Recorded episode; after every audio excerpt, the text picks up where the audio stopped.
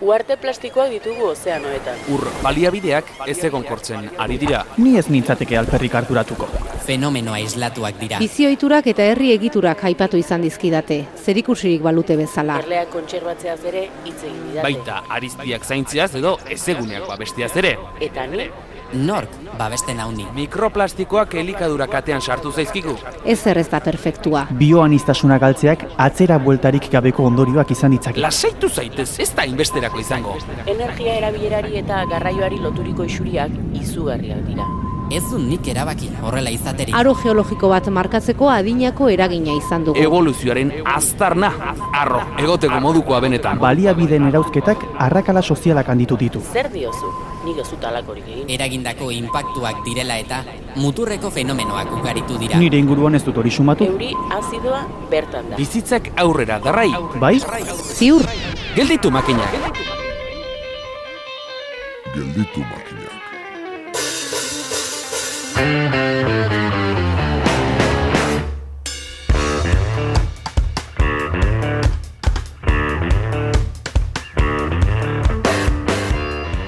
Entzule, ohartzerako berrogei saio osatu ditugula hirugarren denboraldi honetan. Ez gara beti hogi mamitan ibili, reualdina. Natur, reualdin. eta horregatik da katastrofri... Ta, kata, katast, katastro... Kata, katrast, katastrofikoa. Katastro, katastrofikoa. Ka, katastrofikoa. Katastrofikoa. Be. Baina gogoetarako eta ekarpenerako leku izateko aleginak hori du. Nik ez dut gauza askorik utzu. Beraz, eta oartu ez pasarete, hause dugu denboraldiko azkena. Gauza batzukin flipatu ite, flipatu ite. Eta errepasoa egingo diogu, olio erra izatera heldu nahi ez duen manioarekin.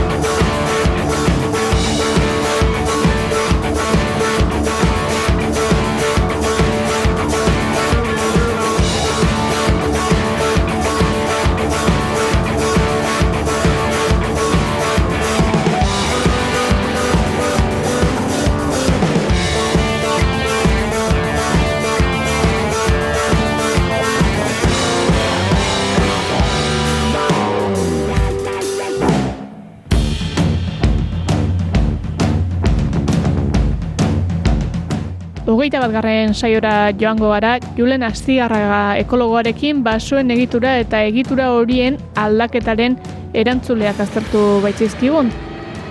Aldagaiak eta arrazoiak ugariak dira, eta beraz, antzeman diren aldaketak aspektu ugarikoak. aldaketak, ze aldaketa ikusten ari garen, hau oso oso galdera komplexua da, aldaketak e, forma askotakoak izan daitezkelako, ez?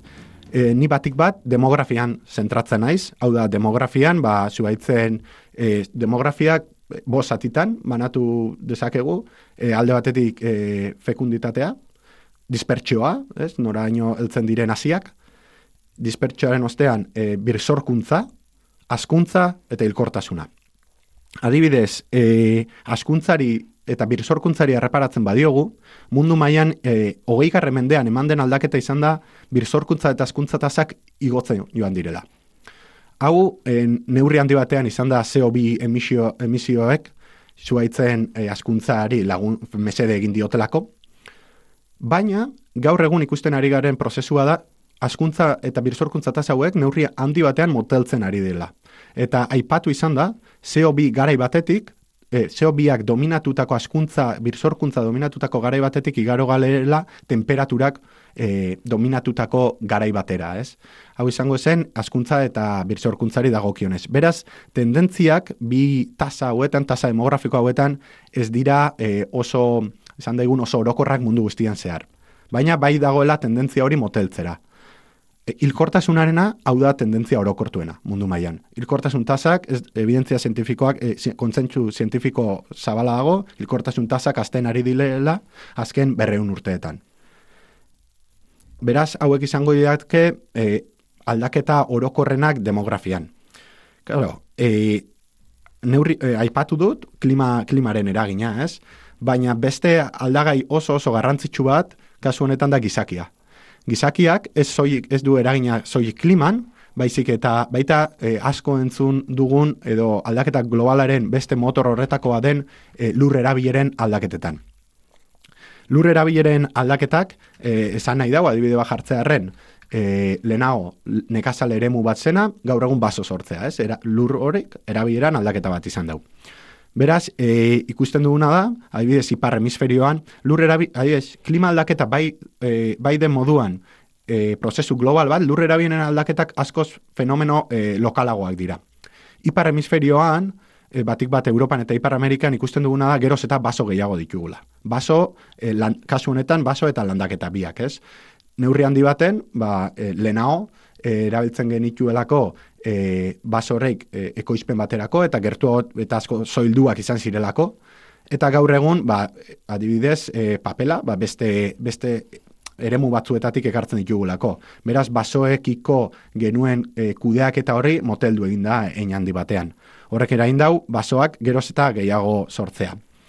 Be, eta orduan eukiko dituzke bi, bi hanka hauek, klima aldaketa eta lur erabileretan aldaketak, demografian aldaketak erango dituztenak, ez, aipatu didan moduan, eta demografian aldaketa honek gizakiok beste e, kudeaketaren bidez, lur erabilera aldaketa horren bidez egin duguna, izan da e, egituran, basoen egituran aldaketak sortu ditugu, adibidez, e, gu landaketa bat egiten dugunean, e, dentsitate kopuru batean landatzen ditugu, ez? E, landatzen ditugu X individuo hektareako.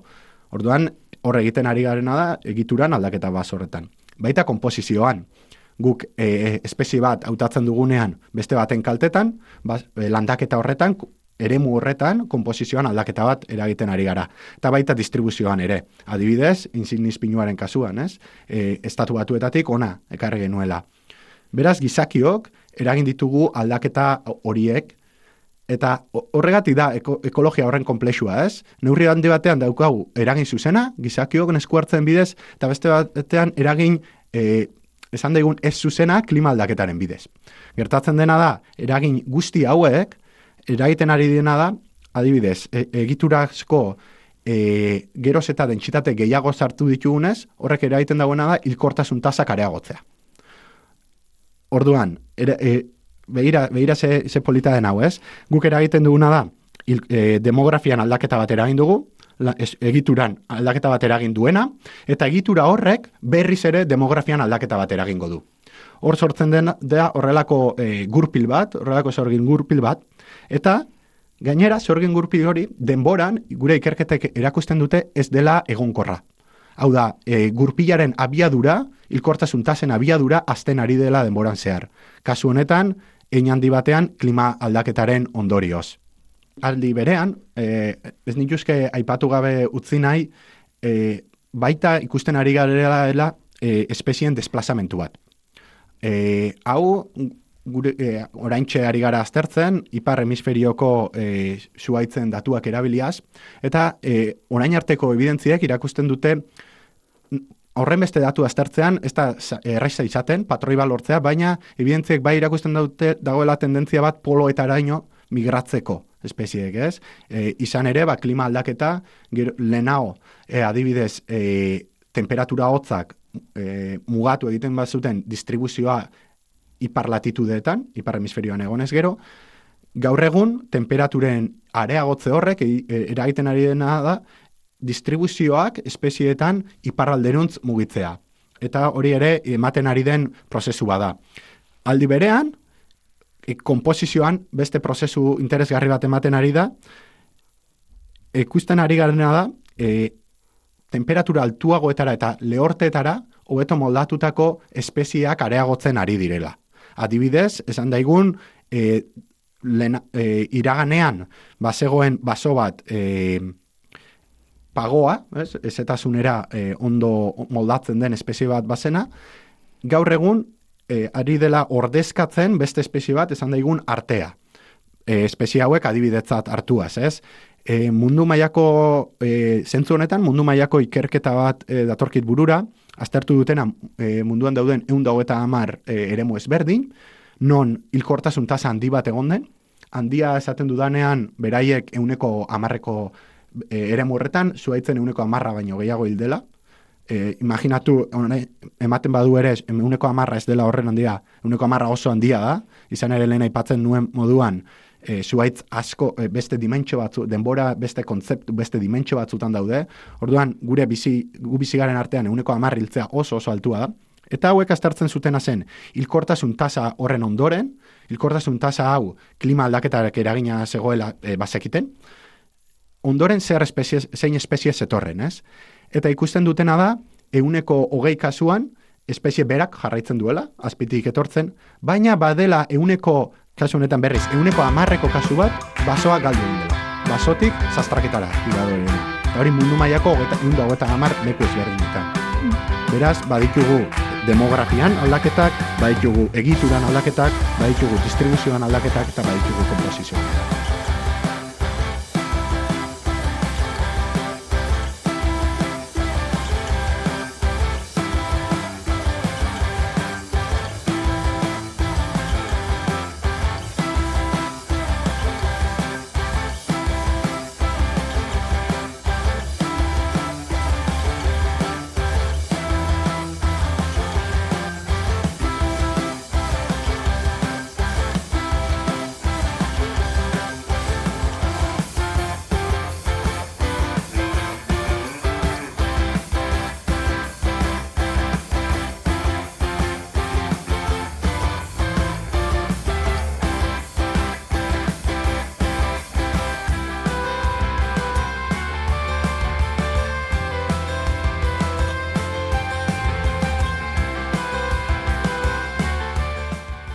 Zertxo baitatzera eginda, emeretzigarren atalean izan genuen Jon Apodaka, arrisku naturaletan espezialista.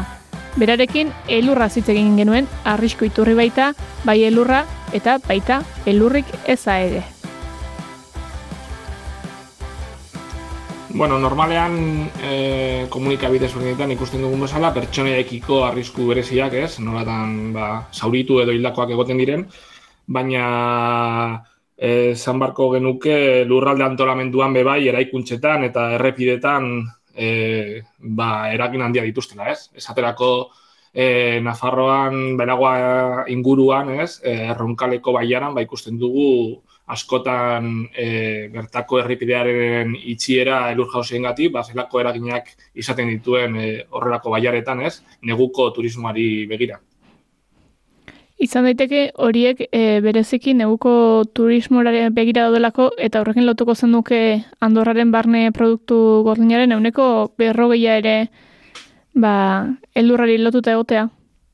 Bai, azken finean e, hiri handietan bizi den jenderentzako ba, oso horraz esatea, da esatea, ba, bueno, horrelako inguruak e, moldatu barko direla e, aldaketa klimatikoari e, aurre eginez, baina Pirineotan bizi izan garenok edo bizitzen garenok eta bestelako mendigunetan e, bizi diren pertsonek e, ikusten duten nola e, sektore turistikoak e, daukan garrantzia, hortaz e, jende asko e, lan egiten du, eta azken finean e, inguru hauei bizitza ematen dieten e, jarduera turistiko hauek, ba, e, kolokan daude, ez, e, baldintza hauekin. E, bai Pirineotan, bai e, bestelako mendiguretan eskautarrak mendikatean, e, e, Iberiar sisteman, edo esaterako Sierra Nevada inguruan, ez, mendikate betikoan. Horiek e, elurrari lotutakoak eta tira, elur falta kasu honetan ba, eragin sozioekonomikoak dituela argi geratzen da. Bestelako horik ere badakar, elur faltak badakar arriskurik e, ez dakit, e, edo, edo ekosisteman? Bai, askotan ikusten dugu soilik e, e, neguko turismoari dagokione, dagokionez e, arazo horiek, baina baita oso garrantzitsua da e, udara begira, bebai e, ur errekurtsoen erabileran, ez? Ur errekurtso moduan metaketa umendian, elur metaketak, e, eragin handia dauzka gero udaberrian eta baita e, e, udaran izango duen e, urtzearen prozesu horretan eta bai e, uraren erabilea den e, ziklosoan, ez? E, azken finean, alde batetik izango genuke turismoaren edagina, ez neguko turismo honek zeren ekonomikoki oso baliagarria den tresna da, edo izaten ari da, modelu eredu e, bat e, jorratu izan den azken amarkadetan, eta oso baliagarria dena, e, bestelako e, urtarotan e, jenderi gabe, edo turismoik gabe dauden baiaretan, baina baita ere, e, mendigunetatik kanpo errekurtso hidriko hauei dagokionez e, lurraren jarraipena bereziki garrantzitsua da, ez? Glasiarrei dagokionez, ikosi izan dugu nola azken urteotan eta bereziki azken urtea, urte, urtean, ez? Izandako galera izugarriak, eh asaterako aneto edo malaretako glasiarran, bai oso oso kongo glasiarran adibidez, eh lau koma bost e, metro baino e, lodiera galdu izan du glasiarronek eta gauza bera gertatu izan da bestelako mendiguretan, ez alpetan esaterako, ekrinseko glasiar blanken, e, ia lau metrotako e, lodieraren galera izan du glasiarronek eta suitzan e, eren bat baino gehiago galdu izan da bai.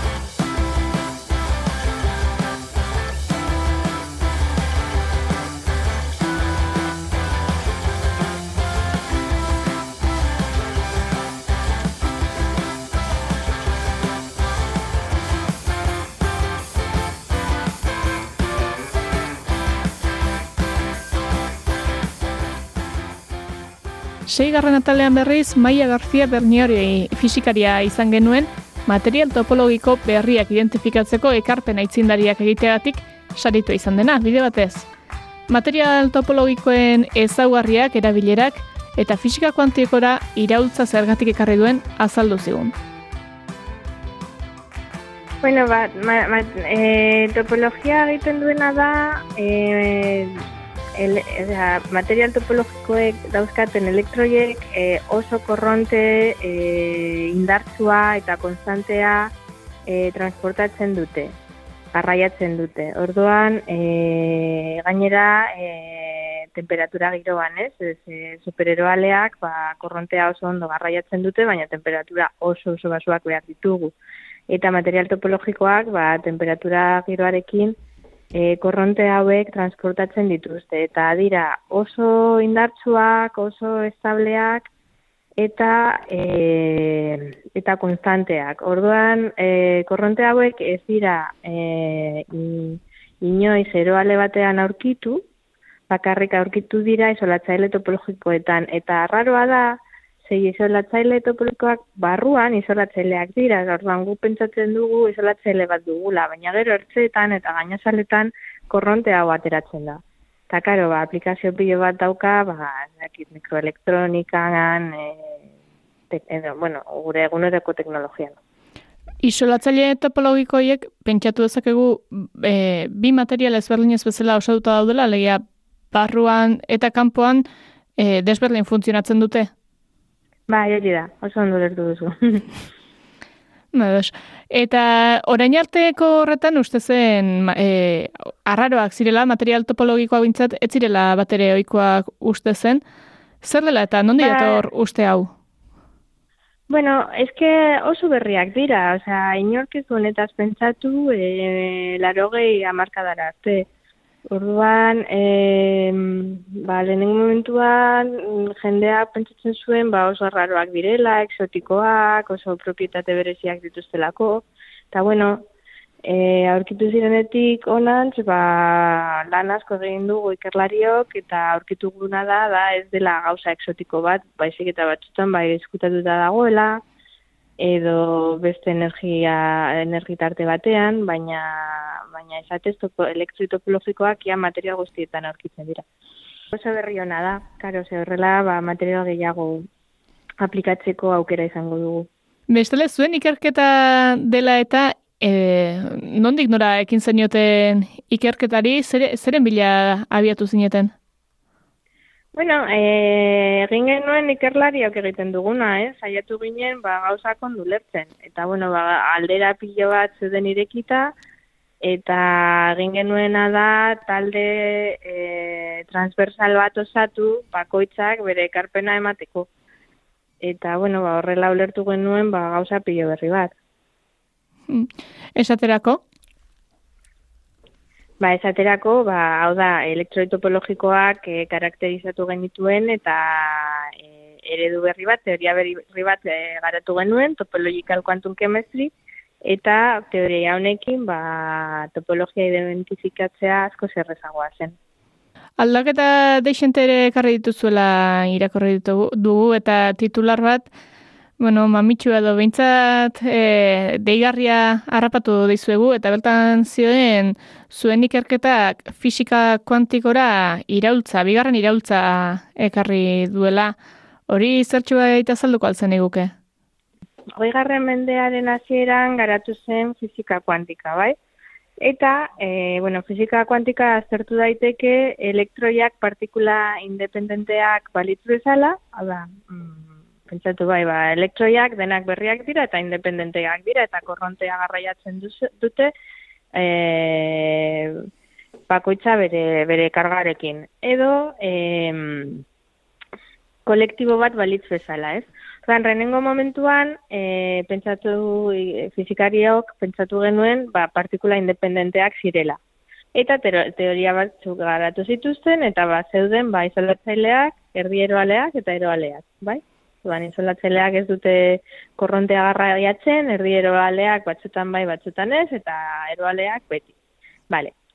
Gero, Aurre dago elektroiak e, multzo kolektibo bezala konsideratzen baldin baditugu, ba, beste fase askoz interesgarriagoak ateratzen dira. Hau da, supereroaleak, e, mag, e, material magnetiko indartsuak, baina, karo, horretarako beste teoria behar dugu, bale? Ordan, izoilatzaile topologikoak da, dira, e, elektroi independenteen teoria konsideratuz, hau da, oso teoria simple bat, biolatzen dute e, materiaren, eginda, egin zen materiaren zailkapena. Ez dira, ez eroaleak, ez isolatzaileak, baizik eta biak batera. Eta bueno, hau da, ba, mm, fizikako magnitude oso importante bat, ba, pasatu zielako. Eta fizikako kantitatea hau, magnitude hau da, e, berriren fasea. Orduan, ba, berriren fasea, e, laro markadara arte inorki zuen kontutan izan. Eta orain kontuan, kontuan daukagu, eta jo, ba, eske fizika guztiz berri bat garatu izan aldugu. Aurkikuntza honek ze aplikazio posible izan ditzake? Hombre, ba, ba, hombre, elektroizko, e, o sea, elektroikorronte hauek oso iraunkorrak dira, estableak, konstanteak, e, eta oso garbia. Ez dauka aia disipaziorik. Orduan mikroelektronika guztian aplikatu daitek eta gainera, bueno, ba, ba kasu batzuetan ere ordenagailu kuantikoetako kuantikoeko entzako e, plataforma unibertsalak dira. Orduan aplikazio pilo bat daukate mm, aurkituko ditugu. Oso berriak dira, horregatik oraindik e, ikerketa pilo bat egin behar dugu, baina nik zuezago etorkizunean e, teknologian izango ditugu.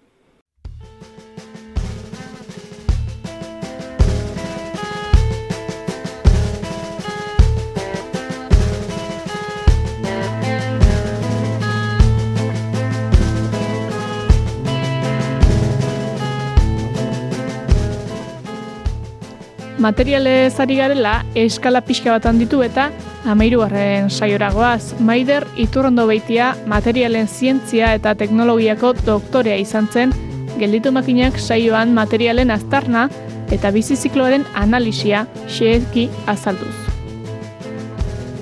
Bai, ba, bueno, azkenean bizizikloaren analisia da daukagun erramentoetariko bat, inguru giro, impactuak, zein, e, impactu sozialak eta ekonomikoak neurtzeko. Gu ikerketa taldean, e, ikerketa taldean ba, parte bat, dedikatzen dugu inguru giro impactuetara, baina bueno, badago ere aukera alderdi ekonomikoa eta soziala neurtzeko modu berean. Eta hau da erraminta bat erabiltzen den azkenean ekonomia zirkularra e, sustatzeko, kuantifikatzeko eta bertarako bideak bilatzeko. Eta ekonomia zirkularra e, definitzeko, definitu beharko agendu modu labur baten, izango litzateke, orain arte geneukan ez, produzitzeko sistema lineal bat. Ba, sortu, edo lehen gaiak ustiatu, sortu erabili eta bota. Bueno, ba, e, orain, bideratzen dana da pixka bat e, zirkulartasunera. Ez?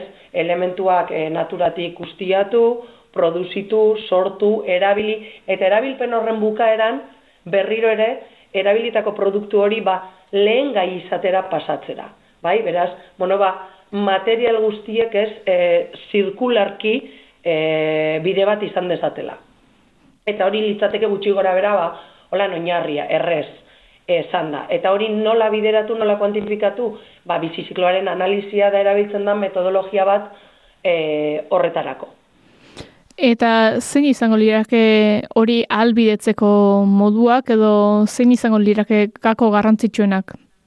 Ekonomia zirkularrerako? Bai. Dinozu, ba, bueno, bagako nagusionetariko bat lehengo ez, ustiapenetik azten garen ez, ba, ikustea ze elementu erabiltzen ditugun, ez? E, e, lehen gai bezala. Orduan, e, erabili beharrekoak, izen beharko lirateke, e, kompromesuan jarri gabe elementu horiek e, naturati bukatuko direla. Beste aukera bat ere badaukagu, ba, berrerabilitako elementuak erabiltzea.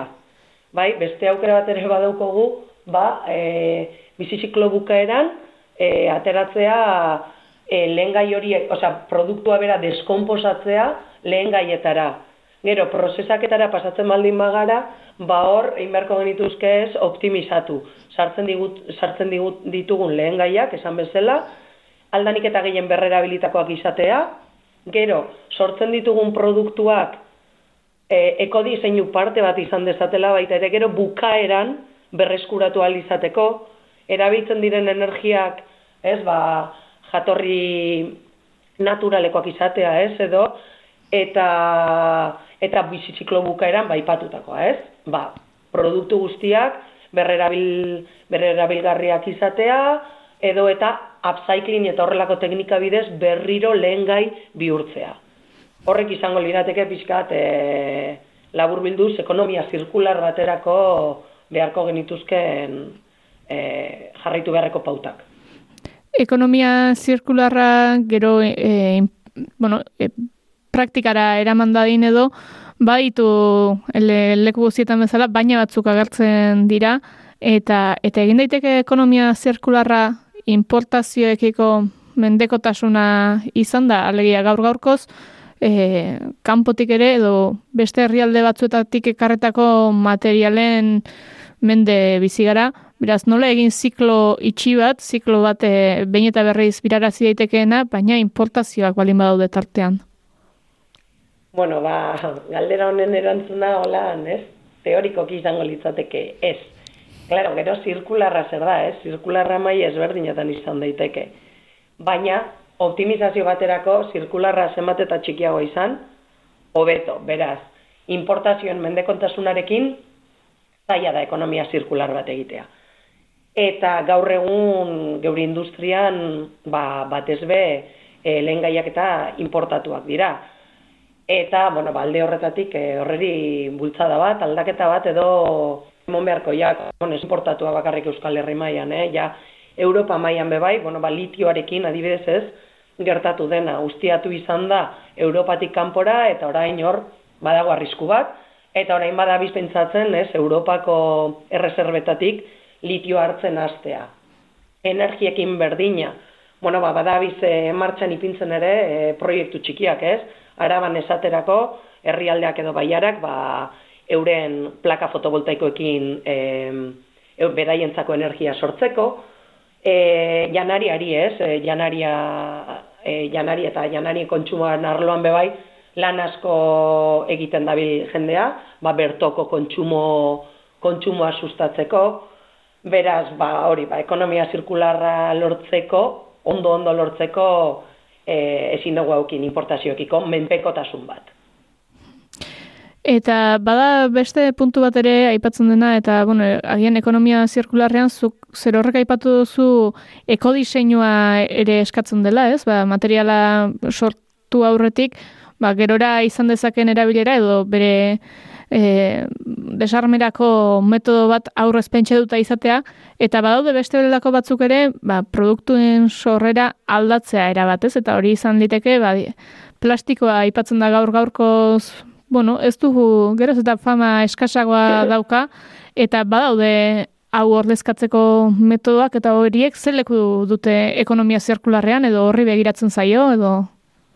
Bai, bai, bai, noski, lehenengo e, partean, ekodiseinua aipatu duzule, ekodiseinua, bueno, ba, e, Euskadiko ekonomia zirkularreko e, bederatzi erronkatan, ez, badaukogu, badaukogu bederatzi erronka, eta erronketariko bat diseinuan zentratzen da, ez? Ba, diseinuan ezartzeko kontutan bakarri geometria, materialak, propietate mekanikoak, baizik eta produktu honen bizi ziklo bukari heltzen denean ere, nola diseinatu gero aldanik eta errezen, ba, material ezberdina baldin badaude ez, elkarren handi banatzeko, gero haueko beto, e, birtziklatu alizateko, eta bar, orduan hor, hor ba, eko diseinua garrantzi handikoa da, eta bueno, badabiltza e, honen erabilera sustatzen. Apurka apurka. Ta gero badukogu bestalde, ba, ba plastikoen kezka, plastiko kutsadurak ez sortzen dauen kezka hau. Plastikoak hasi ziren erabiltzen, ba no, batez bere, beraien prozesaketan energia kontsumo asko ere txikiagoa delako, e, pisua gutxiago daukatelako, orduan hauek ere garraiatzeko e, errezago garraiatzen direlako, CO2 xuri gutxiago daudelako, eta bar, baino, Hauek e, birziklatzea edo berreskuratzea zailagoa da. Plastiko ezberdin asko daudelako eta ez baditugu ondo ondo sailkatzen ezin direlako kalitate on batzekin edo berreskuratu. Honez gainere birziklatzeak propietaten galera dakar. Bai, orduan, bueno, bor badaude zailtasun batzuk eta heldu gara puntu honetara non, ba, plastiko kutsadura bat ez behitxasoan, e, ba, arazo larri bilakatu dena. Orduan, plastikoa ordezkatzeko, badaude metodo ezberdinak eta hori kerketa taldean lantzen ditugu. E, ordezkatu daiteken puntuetan, ba, bueno, papera edo eta eunengatik ordezka, ordezkatu, ordezkatzea, posible denetan, ba, noski, hori izan beharko litzateke, ez? E, bidea. Gero, adibidez, baldimagoaz automoziora edo energia sistemetara, ba, plastiko asko erabiltzen da, teknikoki hobea delako, eta pisu gutxiago daukolako metala baino, eta bueno, honek onurak ekartzen ditu. Kasu hauetan, ezingo geunke, ez, e, beste edo zergatik aldatu, baina bai eguna da, eko diseinua, ez, aurretik aipatutako guztia sartu, biziziklo bukaeran, e, berreskurak eta hori errezteko. Beste aukera bat ere litzateke, e, biopolimeroak edo biodegradagarria diren plastikoak erabiltzea. Non, biziziklo bukaeran, berriro ere konpostatuko diren biodegradatu, bai? Eta, bueno, ba, aukingo duguna da, ziklo itxi bat, ziklo zirkular bat. Edo eta dauden aukeretan, adibidez, guk landu izan dugu e, itxasuan inguruko proiektu bat, ez? Ba, sareak. Bueno, ba, sarea plastikozkoak izan behar dira, ez? Propietaten gati, eta ba. Ba, gero bai landu izan dugu, pla, e, sare hauek, batzeko esfortzu egiten baldin baditugu, egin genezakela produktu horiek berreskuratu, eta erabili, bai, ba, adibidez, e, beste produktu batzuk sortzeko. Kasu hobetan izan ziren e, arrainak markatzeko edo eta sarea konpotzeko e, etiketak eto, edo eta horratzak sortzeko. Eta inguru giro asko gutxitzen ziren. Zare hauek batuta berrerabilita eta ez polimero edo plastiko berriak erabilita. Orduen, ba, bueno, hor beti dau balantze bat eta ikerketa asko dago onena.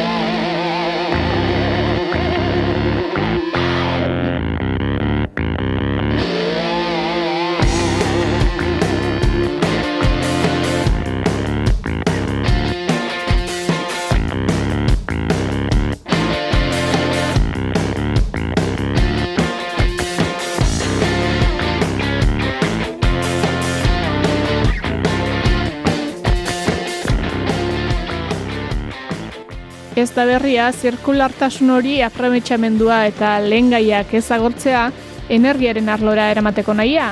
Hogeita bederatzigarren atalean izan genuen alain ulazia EH-ko irakasle eta eolo ikerketa taldeko kidea.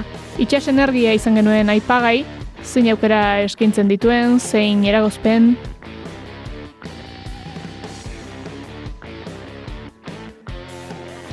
Bai, bai, no, itxas energiak Euskal Herrian ez daude garatuta, baina inon gutxi ez daude garatuta, ez balma, laro eta margaren amarkatik, ba, baltikoa bezalako toki berexi daten, sakonerako oso txikia diren, eta eta gaitera olatuak ez, ez, itxasaizea, ez, ez, aproetatu, ez. Baina mundu guztian experimentalki eta oso, gainera, matematikoki eta fizikoki inventoretzat oso problema ona izan da, dagoena da, ikera errizko zoologia patente. Na? Nik zoologia ditzen dut, ze, askotan erabili izan dira, e, animalien edo izena, ez, ba, atea, lehenguetako bat dira, gero eskozesek, iruta margana markan garatu zutena atea, gero portugueseko pelamisa dragoia nerako beste invento bat zeugaten, beste dago oister, ostra bat modukoa hola gora bera ostilatzen duen, eh? Orduan, karo, daude hainbeste invento eta patente eta, baina ez dira komerzializatu, ez, olatu energiari dagokionean hori ez da edatu eh, nahi, eh, nahi beste. Eh, baina, bai, Europako eh, etorkizuneko mix energetikoan eh, parte e, parte txiki bat ez edukitzea e, espero den, ez, eguneko amarra ez eta hitz egiten da, ez produzioaren ez. Orduan Euskal Herrian e, Euskal Herrian esan duzun bezala ikusita nola daude munduan gauza eta bai badaude aurreratuta eta handikapak eta daudenak eta e, hor daude, baina aurreratuta dauden gauzetan, ez mutrikuko planta bada e, experimentalki behintzat e, munduan referentea, e, ikertzeko inzitu eta benetako tamainuan e, itxas turbina, ez, olatuen energia aproetzatzen duten turbina, bai, turbinak, eta etorkizunera handikap moduan, garatzeko eta hemen produzio energetiko itxasteak bat eukitzeko, ba hori sakonera nagusia, itxasaizea batez ere etorriko den teknologia nagusia e, Europara eta eta ingurura, bai Txinan eta bai estatu batuetan eta itxas energia flotantea hori badator, Eskozian ja lehengo parke eolikoa pare bat urtean bada funtzionatzen. Hemen daukaguna da, hain dela sakona e, itxasa mildegi hori, bos mila metrotara jausten dara, inkluso mila metroko sakonera nik esaten duena unguratzeko ere kostatik gertu daukagula, ez? Odan plan energetiko Europar batean eta obesten ari dira estatuak, e, ba, Galizia bezalako lekuak, edo Katalunia bezalako lekuak, eta ikuspegi integral edo makro handiago baten baitan konsumo lokalago baterako markatu den ere txikia itxasoan, itxasaizea aprobetsatzeko, beti da matxitxako egiten duen itzala, ez nik esaten dut, aizea hemen etortzen da Galiziatik, Galizia aizea da hemengo aize nagusia, horregatik zenbat eta Galizia alderago potentziala handiagoa da.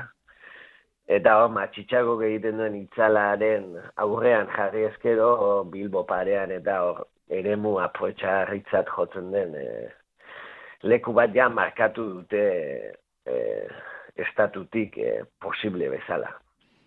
Baina oso txikia da konparatzen e, adibidez Mediterraneoan, Katalunia eta Frantzia artean, ez, Leongo Golkoan dagoen eremu haundi horrekin e, non tramuntana edo deitzen da, ez, haize e, kontinentala, ez, mediterraneo eta kontinentea den arteko presio diferentziat izaten den aize indartxu horrek ikerazko potentziala duka hor, hor ere mondioa markatu da, baita ere Galizian, Galizia batimetria edo itxasakonera hobea dauka ere, aparte aize indartxu hauak, bueno.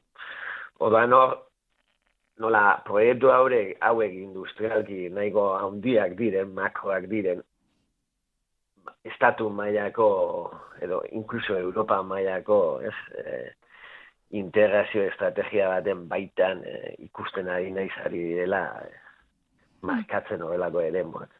Odan, gure independentzia energetikoari edo energia berreiztarrietatik e, independentzia energetiko bat e, lortzeari begira eta niko bestuko nituzke lehengo dudari gabe fotovoltaika komunitarioa eta gune degradatuetan eta gure teilatuetan eta inbeste ere dago e, aprovechatzeko fotovoltaikarantz eta dauzkagun parke eolikoak lurrean gutxi dira, gutxi ora era eundo eun eun darrota marturbina dira ogizen badaian eta elgean, ez Euskadi eta zitze egiten mago, gero Nafarroak ikera esko potentzial eolikoa dauka, ber, berriztu ezkero, orain dauden parke eoliko zaharrak non turbina txikiagoa dauden, ez, la, bimiaren amarkadan ipilitakoak eta hoiek berriztu eta handiagoak ipinezkeo, gaurrengo turbina modernoak, jubilatzen direnean txiki horiek uh, potentzial handia lortuko litzake eoli, eolikotik. Nik uste dut lehengo gauza horiek hobestu behar dela e, itxasora joan, joan baino. Lehen.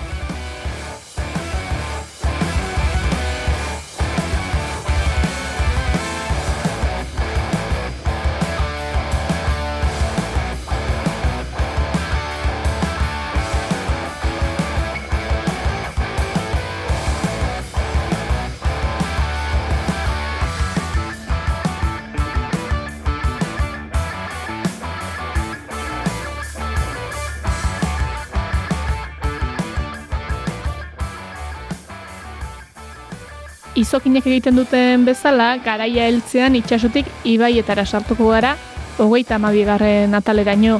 Bertan, asko aibisate geografia fisikoko doktorea eta ibaien lehen eratzean aditua izan dugu zain, ibaiaren morfologia aldaketak izpide. Ze faktorek eragin dezakete ibai baten morfologia aldatzea? Bueno, alde batetik, e, hor bertan, e, ibilguan bertan eragin ditzakegun e, aldaketak, ez? E, bueno, ba, alboko defentzak, azkenean guk hartzak e, aldatzen ditugu, eta orduan mugatzen dugu ibai horrek mugitzeko e, daukan gaitasuna. Ze berez, ibaiak mugitzen dira, bai? Egokitzen dira, beraiek daukaten energiari dolan. Bestalde batetik ere, ba, ibai lautadan e, ez hartzen ditugun jarduerak artifizialezetzen dugu, eta ibai lautadak ulertu behar duguna da, e, ibaiek sortutako e, eremua direla, bai?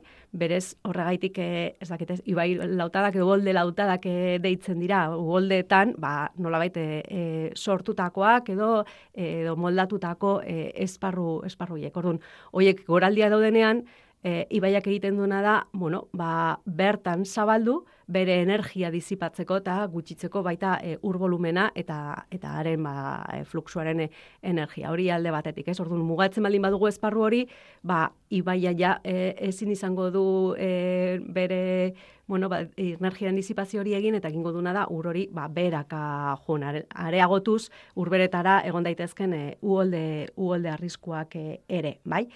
Gainera, horre, uholdeak ematen direnean, edo goraldiak ematen direnean, eta uholde lauta da hoietan, ba, hori, sartzen denien ura, ba, ur hori gero infiltratu daiteke, eta gure ditugun akuiferoak ere elikatu aldaitezke, ez? Orduan, horrekin ere, mugatzen dugu e, elikadura prozesu, prozesu hori. Hortaz gain, egon daitezke, ba, arroan eragiten ditugun aldaketak, bai? E, lur erabilpenen aldaketak. Ba, artifizializazioa gu mugatu dezakegu, e, artifizializatzen, ba, baita ere infiltratzen den ura, bai? Eta azkenean horrek ba gainazaleko izurketak e, gehitzen ditu. Baita ere mugatzen dugu zenbateko sedimentuak e, etor daitezken eta sedimentuak ezinbestekoa dira ere ibaiak e, era egokian funtzionatzeko, bai? Ordune azkenan e, horra eta lan hainbat eta hainbat, ez? E, urtegiak be, ez? Urtegietan guk egiten duguna da urra bildu beste erabilpen batzutara e, bueno, bideratzeko. Orduan kasu hoietan ba gutxitzen dugu e, urberetara egon daitezken e, ur kantitateak eta horrek ondoriak ekar ditzak ez ditzake, ez? Ba ebakidura prozesuak emanez, e, maila freatikoen beherakada, eh hola, ordun, bueno, ba aldaketa asko eta asko daude, baina hori beti kontuan hartu behar dugu. Arroan egiten dugun edozer, bere eragina dauka bere bere ibaizarean, bai. Testo inguru batean sartzeko pentsatu egin behar dela e, uraren artestaraua ona hartu zenetik, hori 2000 urtean izan zala, bertan aipatzen zala, e, bueno, ba, Europako urmasak, bai, bueno, ibaien tarte batzuk, e, batzutan ez egon antolatuta, e, nola baita egon behar zirela, egoera, kalitate egoera honean, e, ba, eta hortarako, bueno, ba, egin behar ziren nolak diagnostiko batzuk, eta egoera honean ez egotekotan, e, lehen eratu egin behar ziren e, hori hori lortzeko, bai? Zera, e, Hortaz gain, momentu honetan, e, Europar batazunak dago e, naturaren errestaurazioaren e, legearen tramitazioarekin, eta bertan esatzen, esaten da, 2000 eta hogeita mar urterako, hogeita bost mila kilometro egon behar direla e, azke Europan. Bai? Ordu horrek esan nahi du, ez dala ostoporik egon behar, eta e, bueno, funtzionamendu egoki hoiek, bai ura, sedimentu eta eta bueno, ba, izaki bizidunak eduki behar e, dutela, bai? Eta horrekin, e, bueno, ba, e, gehien e, aplikatu izan e, lehen egoratzeko neurrien bartean da, e, hori, presen e, e, botaketarena, ez? E, hortaz gain jo egin daiteke, bueno, ba, saiatu beharko ginateke e, aldegune inean esparrua berreskuratzen. Ibaiaren esparrua berreskuratzen, bai? Ze azkenean lehen aipatu dugun bezala, uholde lauta da dira, beraz, ibaiaren esparrua da, ibaia bezala ulertu behar duguna, bai? Beti ez da erraza izango, hainbat eta hainbat e, bueno, ba, jarduera ditugulako bertan kokatuta, baina badaude e, leku askotan e, aukerak, bai? E, nola bait hori berreskuratzeko, ze horrek, e, bueno, ba, asko hobetzen du e, ibaiaren funtzionamendua, lehen aipatu bezala, eta baita, niretzako funtsezkoa dana da, e, orain, era natural batean dauk ditugu, nuoldeta dauta dauiek, ez okupatzea. Ze askotan hori da gertatzen dana, ez?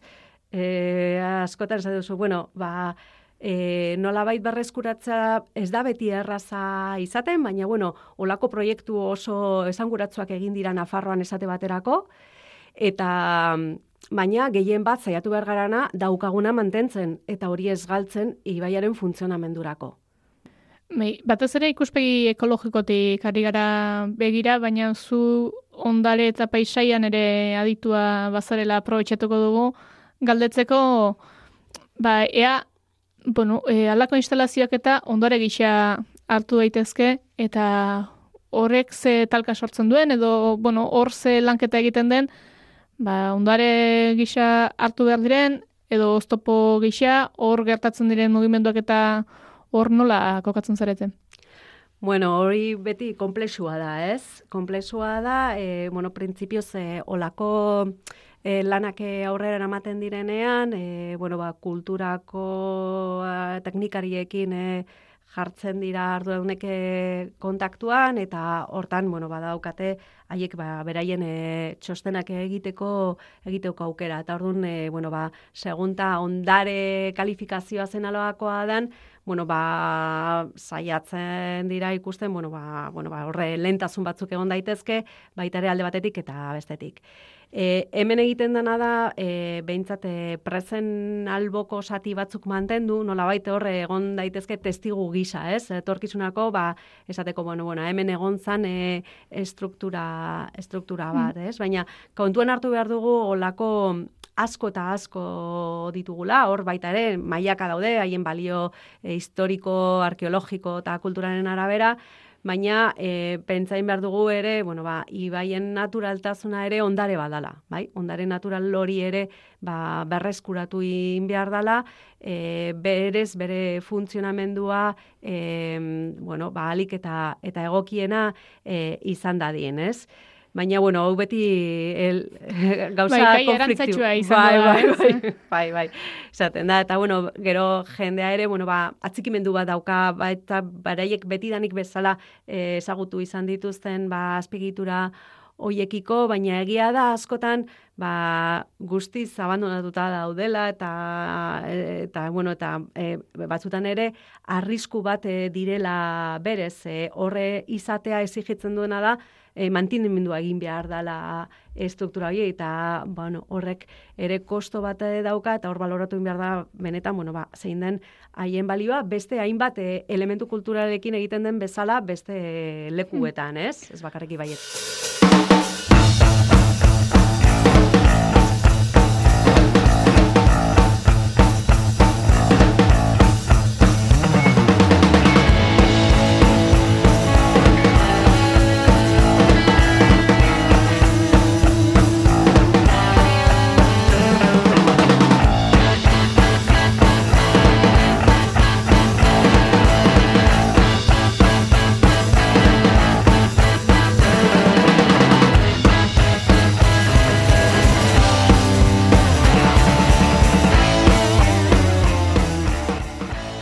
Makinak ondare inmaterial izendatuko dutenik ez dugu uste.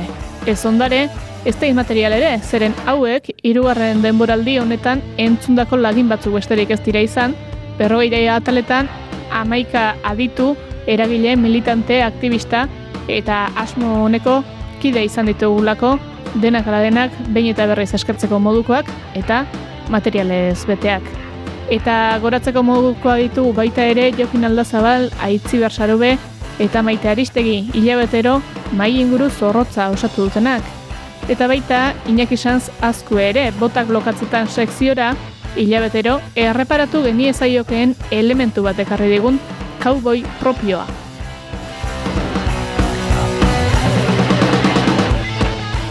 Eta jakina ez ditugu saltzeko nola da, arantxa idieder eta izar mendiguren makinistak aldian aldian ekintzaile eta proiektu interesgarriak ekarri dizkigute eta.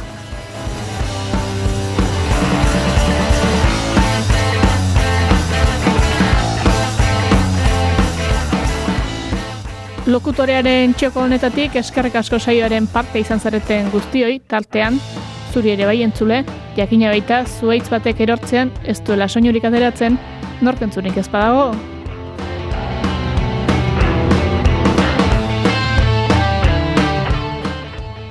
Eta tira, eskertzetan kateatu gabe, alaxe esango dugu, hause izan da, gelditu makinak saioaren, irugarren denboraldiko, berrogei garren, eta azken atala, laugarren denboraldirik izango ote den? Bada, adi biltzea komenientzule ongi izan eta lastar arte.